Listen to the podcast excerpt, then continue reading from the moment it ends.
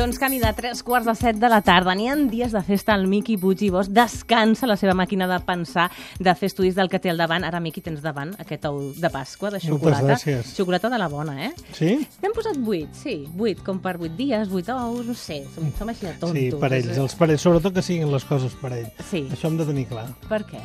Perquè sí, perquè jo soc, crec que si les coses van desaparellades sempre coixeixa, sempre que no, Home, acaba d'anar no, bé. però a l'imparell és el que dona l'equilibri, que no ho saps, això. Bueno, per això jo dono l'equilibri a aquesta El casa. tres? Per Ah. això jo dono l'equilibri en aquesta casa. Però som tu i jo, només. El Marc, la Gemma, el Ricard, tots estan per allà, l'Albert, tots estan allà darrere, aixecant el braç. Dono l'equilibri. Un, dos. Bé, molt bé. Veig que venim... Bé. No, no, no. Home, és que avui el tema... Marcant perfil, avui, el marcant te- perfil. I el tema avui té una mica de... mm, té de mm, doble filo, perquè jo diré coses Mm. que hi haurà seguidors que no estaran d'acord, perquè estem vivint un moment, un auge, una bogeria... Mm, Algú ja parla, l'altre dia parlava amb un mite de la ràdio, com és el senyor Beltran, Sí? en Jordi Beltran, parlàvem de que hi ha una bombolla del que anem a parlar avui. I Mm. potser, i a mi m'agradaria dedicar aquesta secció d'avui un aplaudiment, una, un gaudi, un ole tus, ole, ole tot el que feu en aquesta gent que veu totes les sèries del món. Perquè si estàs... Sí senyor, un fort Sí, senyor. aplaudiment. Les teves paraules són ordres, Miqui Puig. Però és veritat o no? Eh, tu ara vas amunt. Abans hi havia el que explicava acudits de Sí. Chiquito. No, és, sí, a les sobretaules... Sempre hi ha un que ha Hi vist tota la sèrie. de persones. Però hi ha, un, hi ha un que ha vist tota la sèrie. Sempre n'hi ha un que ha vist el Però, capítol. a veure, hi ha No? gent que en un capítol ja es fa una mica... El, El xulo. tot, no? Vist, o miren l'última temporada i Sí. això passa també, Sí. no? Però, però la frase és, és que m'agrada més la primera temporada.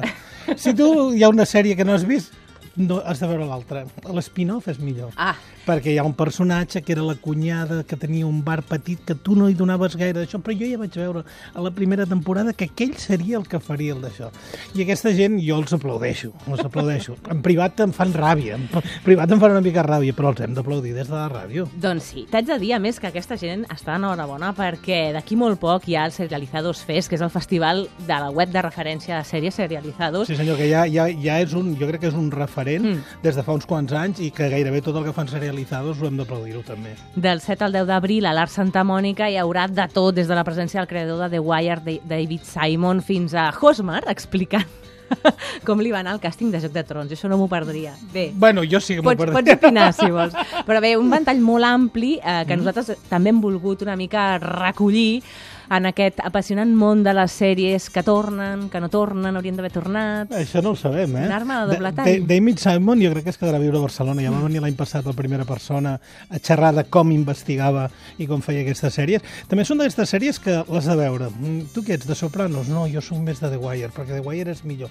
Jo, esclar, jo tinc una llista, igual que dels llibres, ara parlàvem aquí amb el senyor Calpena, entre llibres i sèries per veure, aquesta gent treballa, viuen? Dorm, que seria Dorm? la gran Que- pregunta. Que seria una, una gran pregunta. perquè però sèrie les jornades de sèries i sèries i sèries i No, capítols... a mi m'agrada aquella gent que diu no, això en un cap de setmana t'ho fas, en un cap de setmana t'ho fas, bueno, doncs no hauràs de dinar. Jo sí que el que tinc és d'aquelles sèries que tu dius han de tornar, no han de tornar, una que porta molt temps rumorejant si torna és aquesta.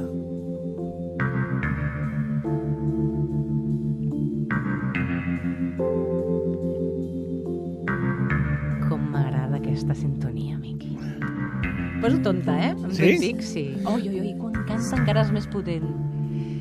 No?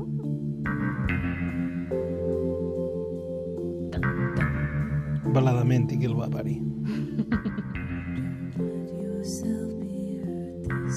A mi em porta al passat, no? Aquella nostàlgia, perquè davant de la tendència actual d'apostar per la nostàlgia, Mm. parlar de sèries com hem decidit apostar en aquest espai, de sèries que han tornat amb motiu, d'altres que no haurien de tornar, tu ets dels que diries que, que Twin Peaks hauria de tornar. No, Clar, No? és, que, és, que, és que estic amb aquell dilema. Per què de tornar a Twin Peaks? Twin Peaks surt en un moment en què la televisió encara era un mitjà, eh, estava a les beceroles. Recordem que eh, Twin Peaks es passava a Telecinco, Mhm. a l'emissora més comercial, a la que ara té aquest, podríem dir, aquesta aura de televisió basura, en aquell moment que era del producte absolutament vanguardista. David Leitch era un cineasta que encara no es havia cunyat el seu terme, lynchnià, no?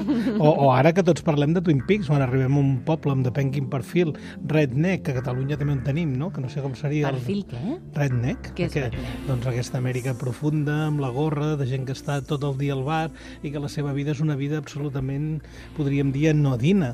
Twin Peaks, ara corren rumors de que David Lynch ha s'ha barallat amb la productora, que hi ha dies que amenaça de tornar, de no tornar. No sabíem ja qui havia matat Laura Palmer, no sabíem qui funcionava. I, esclar, hi ha un gran dilema. Les sèries, quan les esperàvem, perquè sabíem que el dilluns a les 10 es podien veure i tothom feia aquells xares. Ara la gent es baixa les sèries, jo crec que a vegades es baixen les sèries abans de que l'hagi acabat el director. No? Jo crec que si ara ens poséssim a veure una, un serializado, uh, sèrie tal a punt d'acabar, vas a buscar-lo, segur que ja n'hi ha un que l'ha baixada i li ha posat el seu, el seu subtítol perquè la vegis. Jo crec que una mica és tot el, el que podríem dir el romanticisme no? que tenia la sèrie, Mireia, uh -huh. l'esperar-la el dijous, era el dia que la feien l'any demà a la cantina de l'institut, amb tota la colla el comentaves. Jo que torni Twin Peaks, sí, sóc molt fan de Twin Peaks, me la vaig comprar en VHS quan em vaig comprar el primer VHS, me la vaig comprar en DVD quan em vaig comprar el primer DVD, ja, ja vaig parar, ja no vaig comprar Blu-ray. Però bueno, jo vaig comprar-ho allà amb tota la El sèrie. vídeo 2000, no? I tots els 2000. formats que hi havia. Betamax. No, però eren d'aquelles sèries que et havien marcat d'alguna manera. Jo crec que també és una sèrie, a vegades, si, si ens poséssim a parlar amb especialistes de sèries, et dirien que té mancances, que la van acabar a correcuites, però jo em sembla que n'hi ha moltes. Jo he arribat a un punt que les sèries de televisió a mi el que m'han de fer és um, divertir-me. Jo quan veig una, una sèrie de televisió que són 26 temporades, 14 capítols, em perdo. Uh -huh. Em perdo. Crec que les que tenen grans temporades i, i gran gruixo d'àrea són les situacionistes aquestes que no acaben, com uh, Mother Family, tot aquest tipus de coses, gairebé tots els capítols els pots anar lligant, però a mi les trames m'agraden les sèries de la BBC, que tenen sis capítols, que s'acaben, que comencen... Bueno, una mica la sèrie s'ha convertit en una, en un altre hype, en una altra manera, que ole, com hem dit, a tota aquesta gent que, que en controla. Tornades que parlàvem ara que sí que calien, per exemple, tu l'altre dia em deies madres forzoses. Que jo no me'n recordava que hi havia uns padres forzosos. Clar, això t'ho vaig dir en la intimitat. Sí, en sí, la sí. intimitat de qui parla per telèfon. Però tothom sap que tu ets molt fan de Madres Forzoses, Sí, que és sí, una sí. sèrie que t'ha agradat. Vamos, Que m'ha t'ha agradat. marcat. Però, esclar, jo ja no jo ja ni en recordat de la primera, de Padres Forzosos. Tu també has recordat? Tu la No. tenies en mente o Home, no? sí recordo uh, les espatlleres. ho sabia. La, sí, ho no? sabia. La imatge, el look, sí, sí, home, tots tenim un passat. I Sí, sí, sí. La pregunta és el que tu dius. Cal, quan una cosa l'has fet, ha marcat un abans i un després, com és el cas, per exemple, de Twin Peaks o Mm. d'altres, tornar a vegades no és massa perillós? Clar, i els personatges com tornen? Clar, Què- què- qui què- és la nova Laura Palmer? Clar, jo, per exemple, hi ha, hi ha una sèrie que també em va marcar i Perdó, perdó. Ahir Sí. L'altre dia vaig veure Anna i el rei. Eh? Mm. La pel·lícula Sí. de Yul Brynner, mítica, i que hi havia la Jodie Foster. No me la vaig creure en cap moment. per què? Primer perquè tenia el doblatge de la Silva Bell i jo veia tota l'estona la Silva Mm. Bell. Això és una cosa que... que El doblatge és una cosa que ens passa, sí. Sí. I l'altra és que, clar, l'original és l'original i els remakes a vegades passen aquestes coses. Clar, tornar depèn quines sèries. Una sèrie que, per exemple, podríem parlar-ne aquests dies, que ha tingut eh, gent a favor i en contra. Expediente X. Expediente X. Expediente X ha tingut moments que la gent, tu llegies a Twitter les notícies i gent que deia el millor capítol des de que ha tornat no sé què, el millor capítol des de que ha tornat no sé quantos. Clar, arriba un punt que calia que tornés a Expediente X, calia que ens sapigués què havia passat amb Mulder i Scully. Clar, a més això ens remet al 93, una de les sèries més carismàtiques Mm. de la història de televisió. Chris Carter, recorda als finals d'aquells crèdits, no? Chris Carter, que el Time deia que era televisionari. Per tant, un... Com televisionari? Sí, televisionari. Televisionari. Un mite, sí, sí, Tu sí. saps que, que va ser una sèrie de tan calat que fins i tot se'n van fer cançons pop? Ai, quina era? Espera't, que el té l'Albert, a punt. Una cançó que parlava directament al títol, ja ho deia, Mulder i Scully.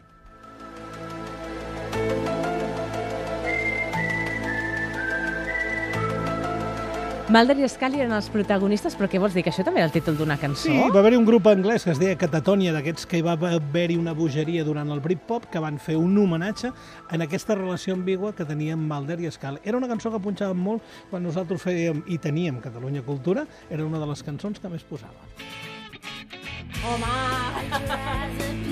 I'd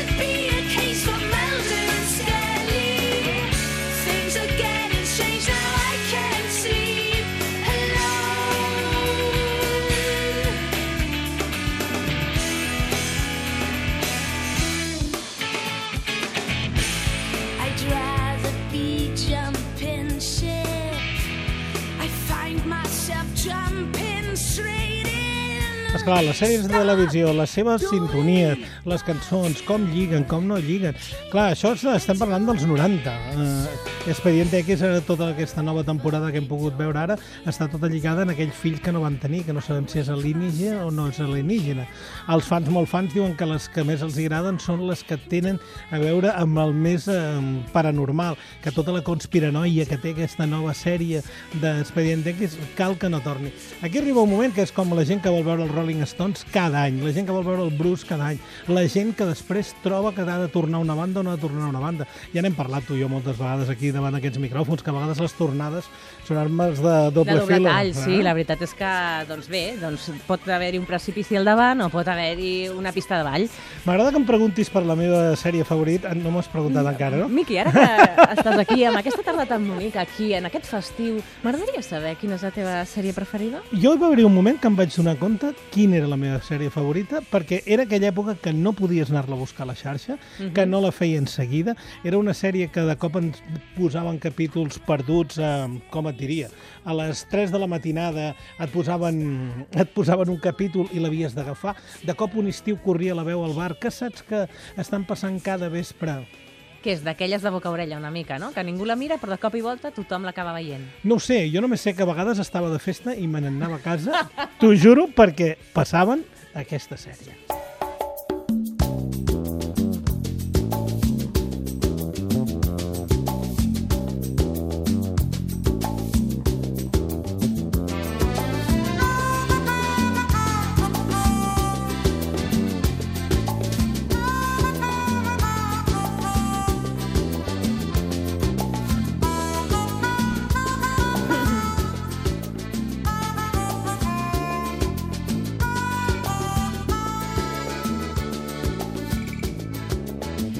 És que és una d'aquelles sèries, però la sintonia eh, dona un bon rotllo. Però tota la sèrie, perquè tu, quanta gent, quant, quantes vegades hem parlat de volem anar a viure a Sicilí?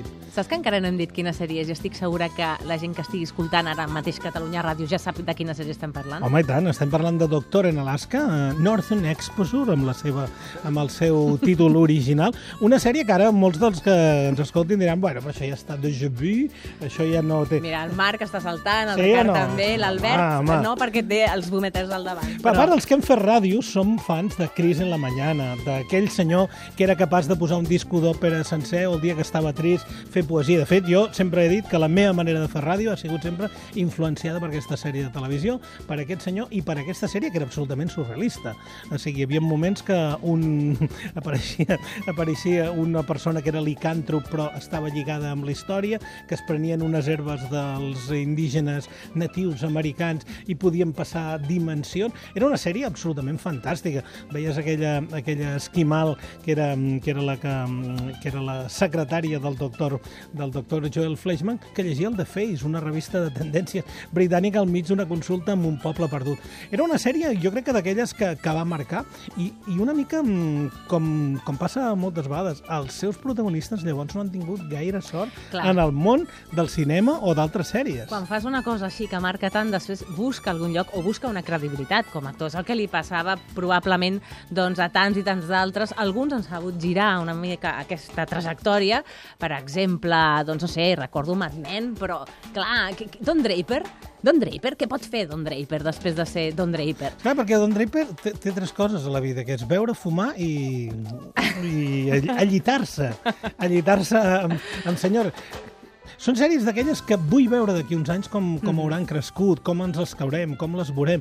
Són moltes sèries d'aquestes, jo crec que n'hi ha moltes, i que a casa, quan arribo a casa i em diuen no, és que acabo de veure la temporada 26 de tal sèrie, em miro la meva parella i dic, carai, tu, tu sí que tens sort de poder veure tantes i tantes sèries. Miqui Puig i Bosch, si et pregunto això, no? quina és la teva sèrie favorita de tots els temps, entenc que em diries Doctor en Alaska, però fes-me un intercanvi de cromos. Ara, la última, la que més t'ha agradat, la que tens entre mans... No, jo, jo la sèrie que més m'ha agradat últimament és una que té banda sonora de Nick Cave, que això sempre és una cosa que, que hi dona un petit caché, però és Peaky Blinders.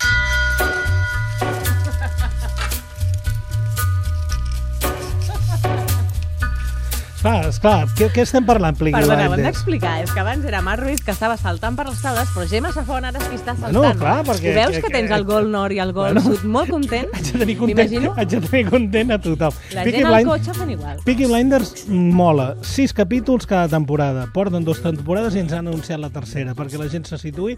Suposo que ja n'han parlat especialistes en sèries, però jo, com a fanàtic de la música i de l'estètica, gàngsters del 1919 a Birmingham. Gent que venia de la Primera Guerra Mundial, desposseïts de moltes coses, que es dediquen a trepitjar amb el joc, amb la beguda, amb l'alcohol, connexions amb l'ira, d'aquello que, que agrada tant a Anglaterra, i una estètica fantàstica. Senyors sempre amb uns tallats de cabells perfectes, amb uns abrics, amb armilles, amb trajos amb armilles, que això són d'aquelles coses, amb una ciutat enfangada com era Birmingham, preindustrial, en plena revolució industrial, i una sèrie fantàstica, assassinats, morts, tot el que pugui haver, però el que és més curiós és aquest contrast. La banda sonora tota no intenta recrear amb, amb algú de l'època, sinó que ho fa amb rock and roll contemporani. Ens queda un minut i no vull deixar passar l'oportunitat d'escoltar això.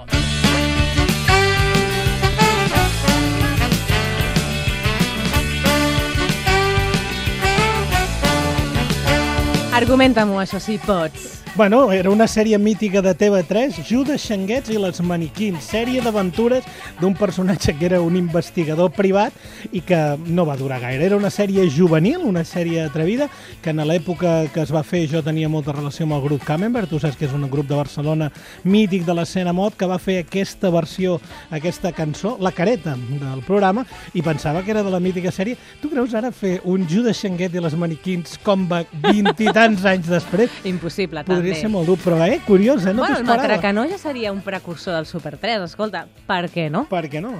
Doncs escolta, gràcies, Miqui, una abraçada.